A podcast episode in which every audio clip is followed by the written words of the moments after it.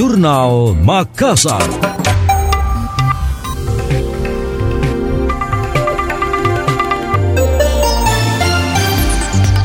Pemerintah Kota Makassar melalui Dinas Pekerjaan Umum PU akan membuat sumur resapan di sejumlah kecamatan Makassar.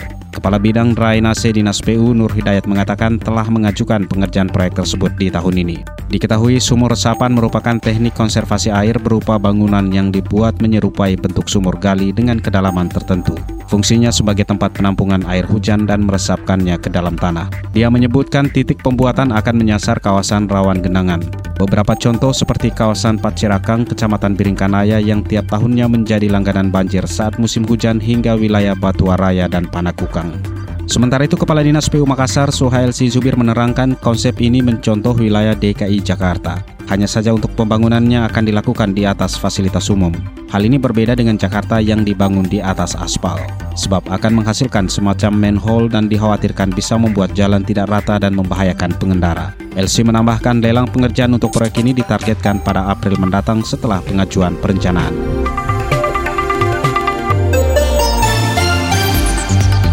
Kepala Dinas Pemberdayaan Perempuan dan Perlindungan Anak DP3A Makassar Aci Soleman menargetkan pencapaian Kota Layak Anak KLA 2023 Makassar bisa naik satu tingkat hingga mencapai predikat utama dalam kategori KLA. Dia mengatakan untuk mencapai KLA kabupaten dan kota harus mempunyai sistem pembangunan berbasis hak anak melalui pengintegrasian komitmen dan sumber daya pemerintah, masyarakat dan dunia usaha yang terencana secara menyeluruh serta berkelanjutan dalam kebijakan, program, dan kegiatan untuk menjamin terpenuhinya hak dan perlindungan anak. Di Makassar sendiri ada beberapa tantangan dalam mewujudkan KLA, seperti soal pemahaman dan komitmen sistem data dan informasi, layanan perlindungan anak, dan koordinasi. Selain itu, belum adanya pemahaman yang sama antara sektor terkait mengenai pembangunan perlindungan anak secara komprehensif.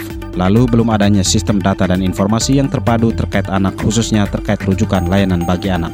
Aci menambahkan dari sejumlah indikator itu diupayakan memenuhi 24 indikator dalam dokumen KLA. Dia menambahkan dalam pelaksanaan KLA juga harus memperhatikan hak anak yang digolongkan berdasarkan klasterisasi. Dirinya berpesan agar semua OPD turut mendukung upaya raihan KLA seperti pemenuhan dokumen materi program inovasi dalam mendukung KLA.